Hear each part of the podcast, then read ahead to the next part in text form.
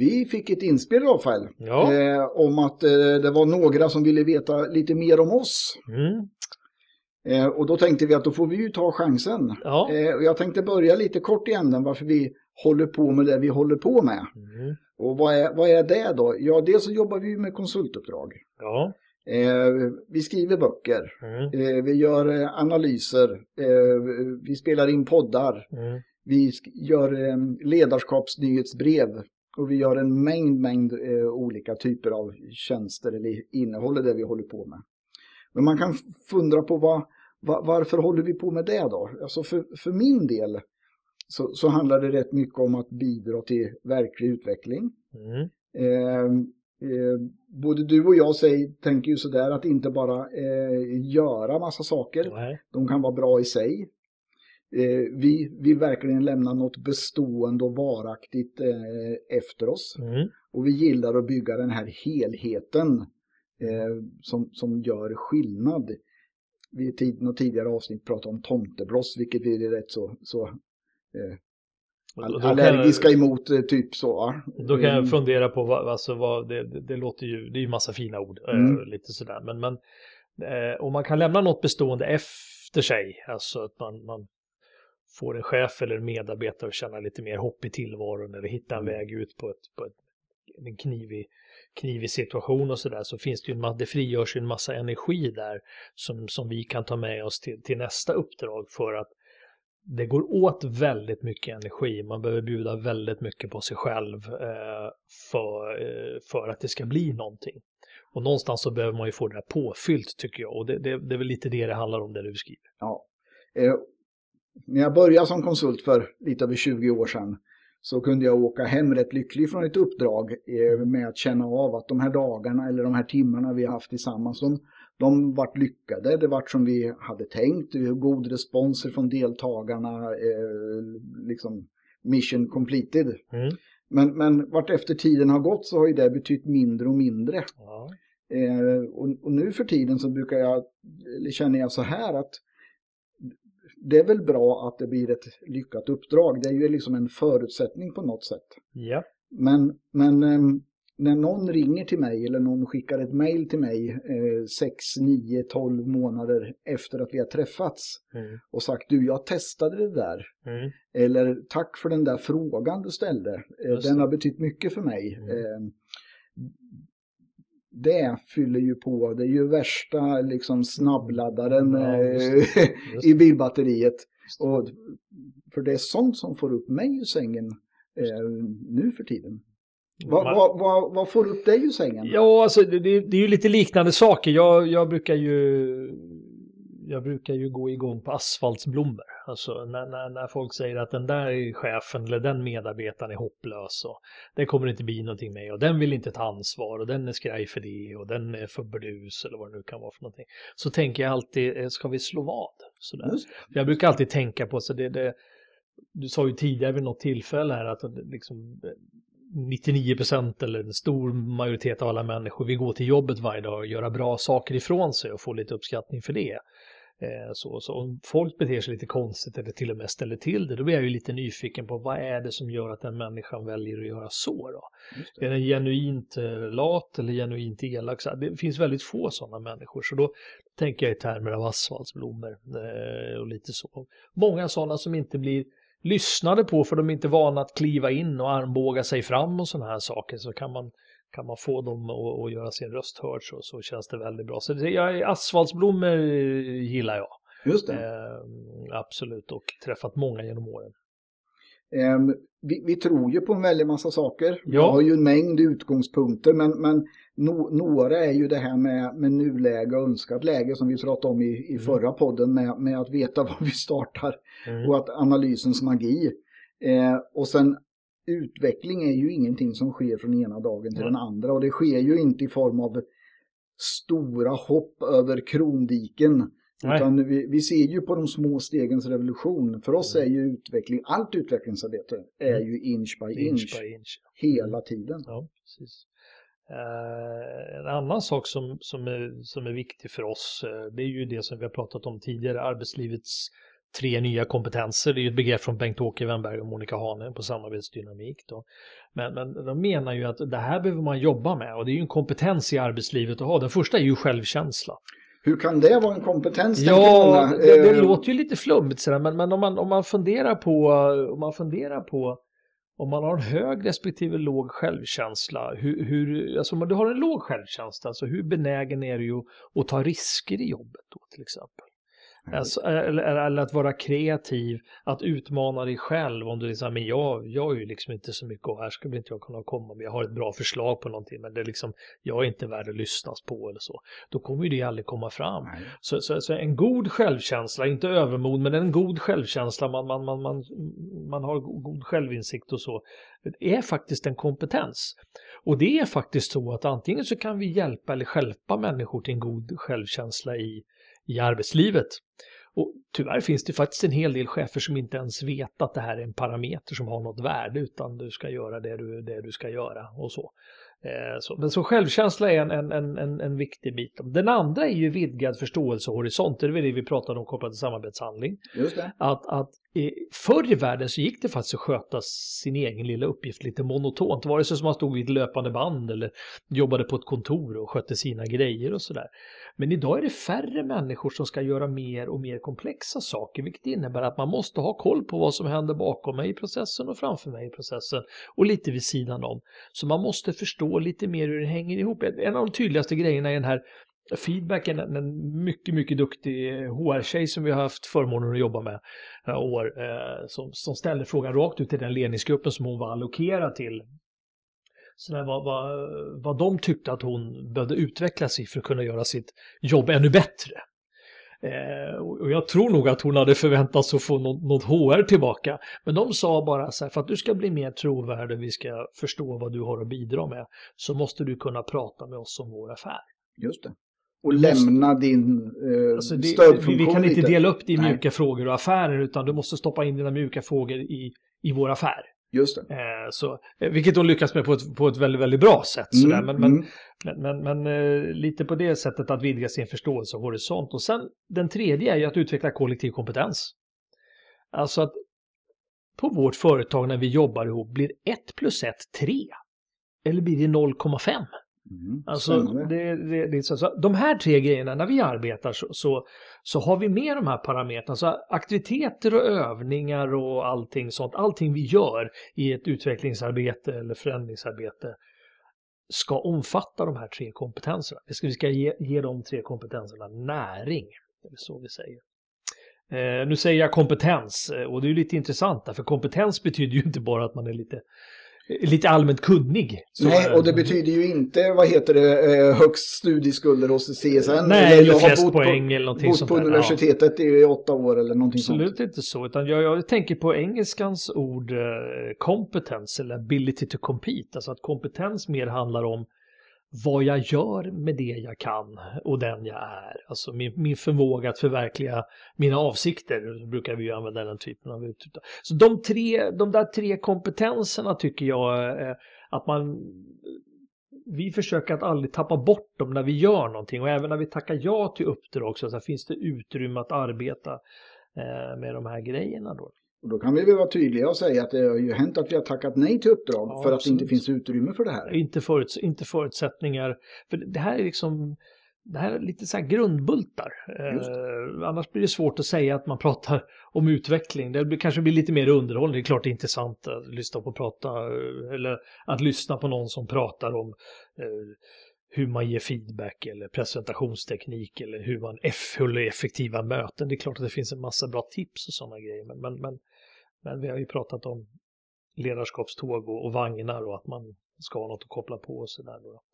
Eh, Men jag tänker även på det här med eh, hur svårt det är att jobba med beteenden, alltså komma ner på den nivån, för vi är ju mer eller mindre benägna att göra någonting. Alltså att, att vi har ju ett lägre motstånd att jobba mot förändring som har att sätta nya arbetsrutiner, att planera, att se till att vi har rätt kompetens på, på pappret, att våra processer ser ut på ett visst sätt och att vi har eh, rätt kunskap inom området. Så vi, har, vi, har, vi har mindre motstånd För mot det, att ja. sätta Just ihop det. de där grejerna. Och, och dessutom så tar det kortare tid att göra det. Och det här är ju saker som ligger i produktionsuppgiften som jag räknar nu, eller som vi sorterar in under produktionsuppgiften. Då.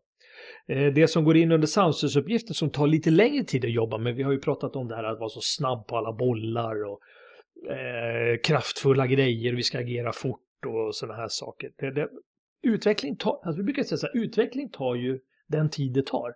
Det tar inte för kort tid, inte för lång tid, det tar den tid det tar eftersom det har med så många parametrar att göra. Så att jobba med beteenden, vanor och värderingar i en organisation, det tar längre tid och vi har, det är en högre tröskel att kliva över. Det är trögare på ja, något sätt. Det, det, det, hamnar lite för nära mig för att det kanske ska vara fullt ut bekvämt. Vi brukar ju prata om det här att för att vi ska kunna ha tillit till en organisation så behövs det ju lite öppenhet då. Men, men jag kan ju inte vara öppen för det finns tillit mellan oss. Då, så att någon måste ju gå före. Vi brukar peka på chefen, vill du ha öppenhet i din grupp, gå före. Ja. Brukar vi säga sådär. Så kan man få snurr i den där då. då. Och, och, och det, det, är svårt att jobba med de här sakerna. Det är för att dels att vi tänker att det ska gå fort och sen så vill vi inte att det ska vara en för stor tröskel att kliva över då. Men, men, men om man tänker att det är en investering som vilken som helst så, så så borde man kunna få till det tycker jag.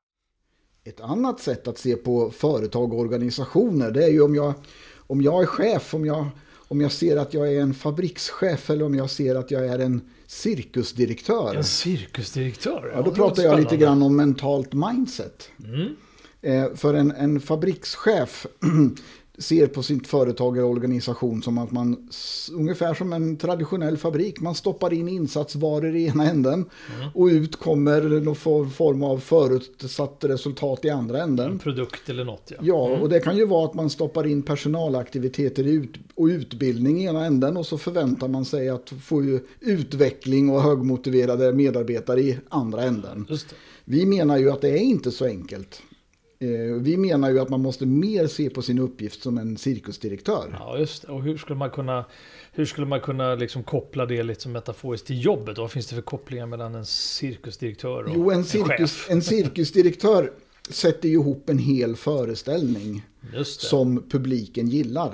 Just det. Individuellt skickliga artister som har sina nummer. Men, ja. ja. men som samarbetar till helhetens bästa och, så att publiken gillar det. Men vem är publiken då? Ja, det kan ju vara andra delar om det är en större organisation. Just det. det kan ju vara kunder, mm. det kan vara ägare, det kan vara äh, alla vi andra som är vad heter det, runt omkring. Då. Och då handlar det ju om att skapa det här eh, programmet och låta eh, de här individerna få chans att eh, briljera eller vara duktiga inom eh, sitt område. Mm. Vi tror ju också på att skapa ett bra partnerskap mellan oss som konsulter och kunden. Vad menar vi med det? Ja, det är lite mer djupgående än att man bara har ett samarbete där vi levererar eh, eller löser en uppgift. Löser en ja. uppgift, levererar en tjänst, eh, vi får betalt av fakturan, eh, alla är happy och glada. Ett partnerskap är mer av att vi sätter oss i samma båt runt, i, i det här fallet ett utvecklingsprojekt eller vad, vad det nu kan vara. Mm. Eh, vi använder så en massa metoder till det som styrgrupp och, och, och så vidare. Men, men vi har ju hört att vi är lite krångliga. Ja, just det. Vi brukar tjata lite sådär och, och, och få höra ibland att eh, krångla inte till det nu här. Alltså, cheferna ska ha grunder i ledarskap. Hur svårt kan det vara att fatta? Eh, men, men, vi ser ju inte, vi ser ju inte riktigt så.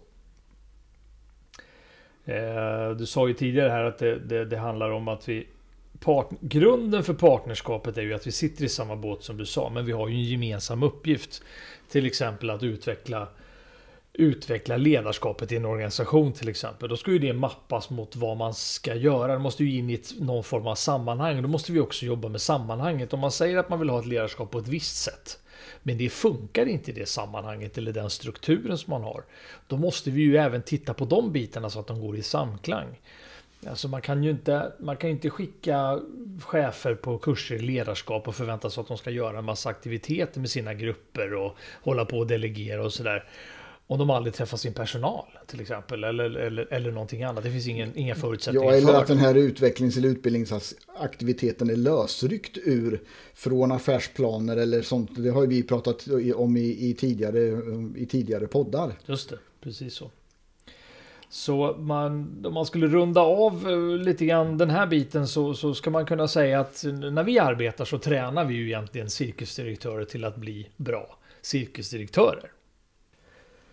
Ja, det var lite, lite allmänt om oss men, men eh, lite mer specifikt om dig Mårten. Vad, vad, vad vill du berätta? Ja, eh, det, är ju ett, det är ju ett långt liv. Jag är ju en gammal gubbe nu. Eh, ja, okej. det bor ju fortfarande en eh, liten eh, spjuveraktig moppetrimmare i mig. Ja, Men eh, vart efter åren har gått så får ju han lite mindre och mindre plats. ja Men, men eh, just nu så funderar jag mycket på hur den där lilla spjuveraktiga moppetrimmaren ska få lite mer utrymme. Utrymme, ja. ja. Mm. Eh, annars skulle jag kunna beskriva mig som den ofrivillige konsulten som växte upp i detaljhandeln. Ofrivillig, vad menar du med det då? Ja, alltså jag, jag gjorde ju, jag växte upp i detaljhandel, har sålt varor dit och jobbat i, i kedja. Jag har varit ansvarig i Europenkedjan och jag har varit ansvarig en skokedja med över 100 butiker. För jag hade ju den här idén om att man var ju ingen stor chef om man inte var ansvarig för en kedja som hade mer än 100 butiker. För Ja, på Europen- briljant. Ja, tänkte ja. Briljant. För, för på Europentiden så hade vi ju bara 68. Ja. Och det räknades ju nästan inte. Mm. Men, men eh, nu ändå är där på Europentiden. Jag var, skulle fylla 31 tror jag. När Ja. jag fick det jobbet. Ja. Och vart operativ chef kedjan. Ja. Med personalansvar för eh, 340 personer och 68 butiker. Och, eh, Det butiks- låter, ju- låter ju lite komplext. Eh, ja, eh, eh, jag har efteråt funderat rätt mycket på att antingen visste min dåvarande chef Ja. precis vad han gjorde. Ja. Eller också hade han ingen aning om Ja, vad han gjorde. Vad han gjorde. Mm. För jag gjorde ju en hel del saker ledarskapsmässigt på den tiden som var briljant. Mm. Och så gjorde jag ju en del saker som faktiskt var så dåligt. Mm. Så att det borde man ha begripit att det där kommer inte att... Och, eh, Så gör man inte. Nej, så gör man inte. Eller det där fungerar inte. Men det, det var inte insikter jag hade, ja, vad heter det, eh, jag hade då. Men jag bestämde mig där i alla fall på precis eh, i brytpunkten eh, 2000. Mm. Att jag ville göra något annat. Att jag hade kutat på något sätt färdigt i det här ekorrhjulet. Mm. Jag hade ju haft de här insikterna om att man måste ha en balans mellan samspelsuppgiften och produktionsuppgiften. Mm.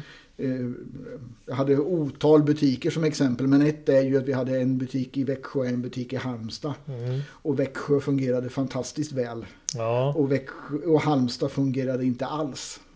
Eh, lika stora städer, ungefär jämförbar köpkraft. Butikerna låg på A-läge på torgen. Eh, samma generation av inredning, samma sortiment. Vad var det som då gjorde att vi tjänade jättegott med pengar på ena stället och hade krismöten och, och, och, Ja, det. och så på den andra?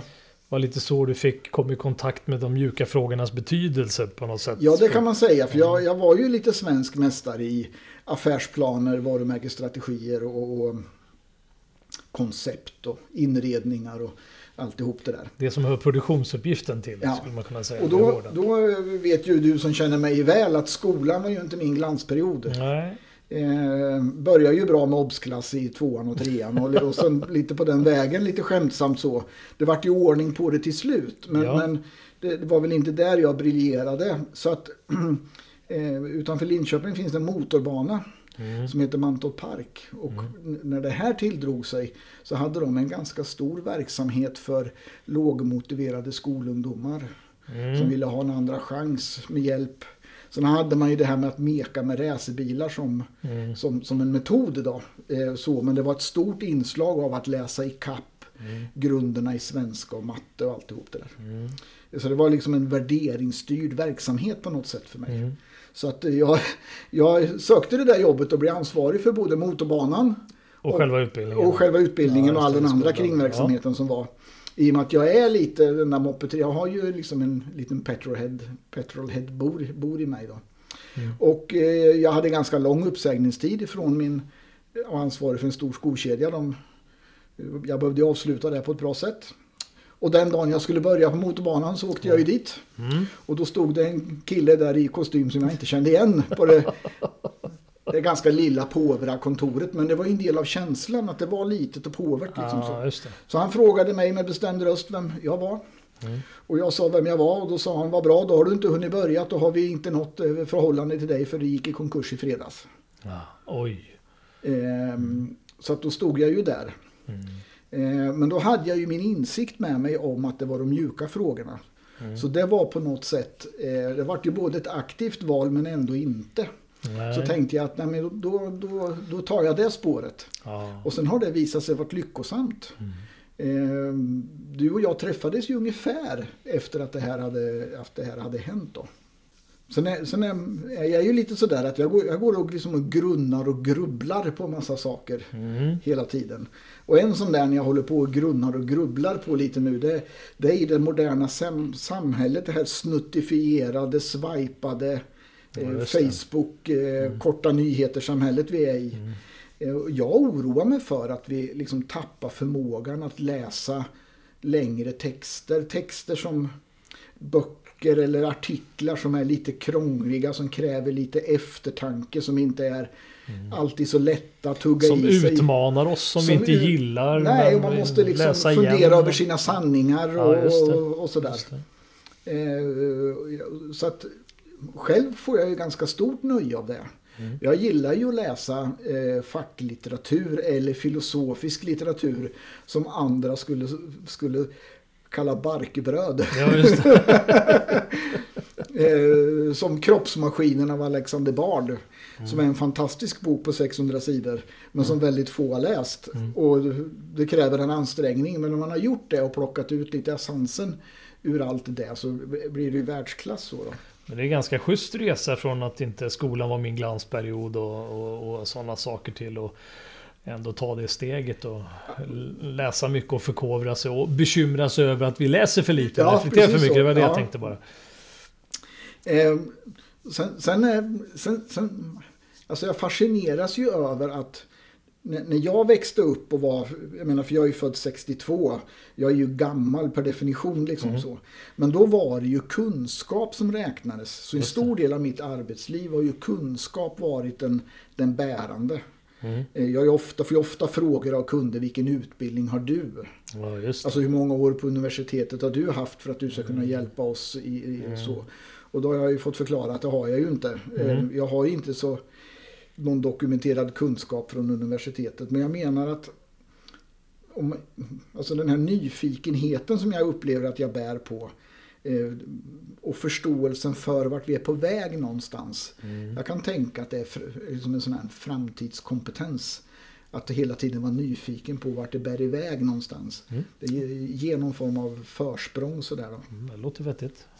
Eh, så, så det rör sig i huvudet på mig. Ja. Eh, annars, eh, ja gammal var jag inne på. Men, men eh, vi har ju bott i Linköping i alla år. Mm. När barnen började bli stora så hade vi, ja, vi har haft en sommarstuga nere i Västervik. Men då bestämde vi oss för att släppa sommarstugan och så bor vi vid havet idag mm. istället. Och så tycker barnen att det är rätt schysst att komma hem dit och hälsa på. Ja, där fick ni ju höra lite om mig då. Men, men eh, Eh, något om dig då Rafael och varför du eh, håller på med det du Just gör. det, just det, just det. Jag trodde att jag skulle bli jurist. Ah. Eh, så, men, men eh, jag ska inte säga att jag kom på bättre tankar för det är väl inget fel att bli jurist. Men, men, men, men, men någonstans, någonstans eh, halvvägs i, i, eh, i jurist, juristutbildningen så, så kände jag att kopplingen mellan teori och praktik, eh, den var inte bara för liten, den var i princip obefintlig. Och så som jag fungerar som person så behöver jag ju liksom se hur man hur kan man ta en teori och vad är det då i praktisk handling? För jag tycker att det är en av mina, en av mina styrkor eh, att, att jag kan göra, kan göra det då. då.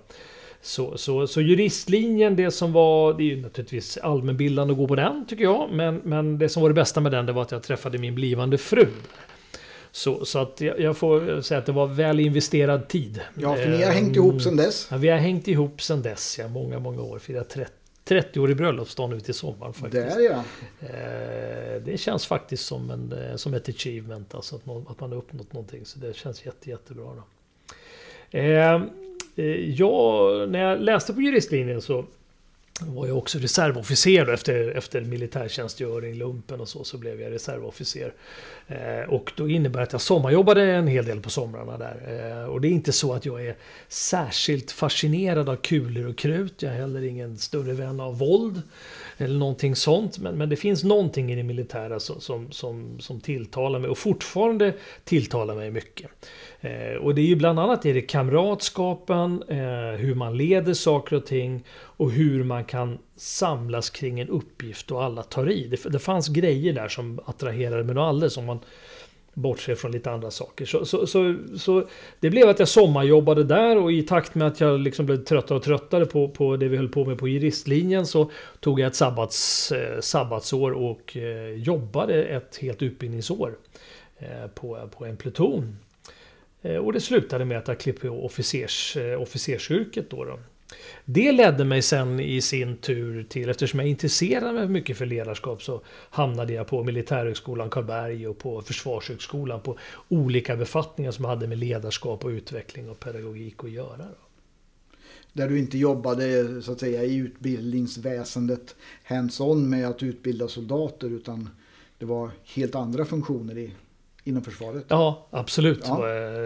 var det så. Då. Och eh, jag var ju bland annat chef för ledarskapsutbildningen på Militärhögskolan Karlberg. Är Fänrika som ska bli löjtnant. Det innebär att man tillsammans med ett antal kollegor eh, planerar och genomför och utvärderar eh, hela den utbildningen. Då. Så att jag, tidigt fick jag ett intresse för det här med ledarskap och organisering. Det var lite för trångt på regementet för att kunna utvecklas fullt ut. Så då sökte jag mig till olika ställen och tycker att jag har en ganska bred praktisk och teoretisk kompetens inom det här området. Då. Men det som fick mig intresserad av ledarskap eh, från början, eh, det, var, det var faktiskt hemma på regementet för många, många år sedan när en befälselev kom fram till mig två veckor innan soldaterna skulle rycka in. Och då funkar det så att de här befälseleverna ska ta hand om de som rycker in och utbilda dem och sådär. Och det hade gått upp för den här killen. Att han plötsligt skulle hålla utbildning. Och ta hand om en massa soldater. För det var ju så dåtidens värnpliktssystem ja, fungerade. Ja, exakt så. Så det, ja. det, det, det, är några år sedan vi hade det. Men det, det händer saker inom mm. området. Så att det, det, kanske blir en revival på det här. Eh, så, men han frågade mig så här. Har, eh, har du några tips? Frågade han mig.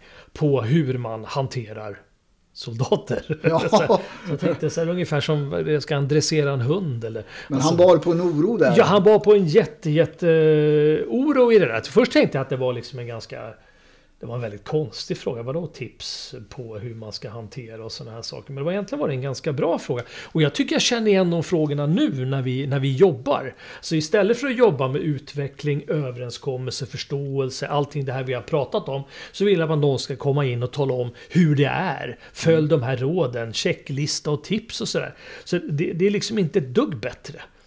Och, och, den, här, den här soldaten som frågade mig om 10 tips, han fick ju han fick ju något annat av mig. Ja. Samma sak som jag försöker ge eh, dina och mina kunder idag så. Men han får ingen tipslista eller rådlista av det skälet att det funkar helt enkelt inte att göra på det sättet.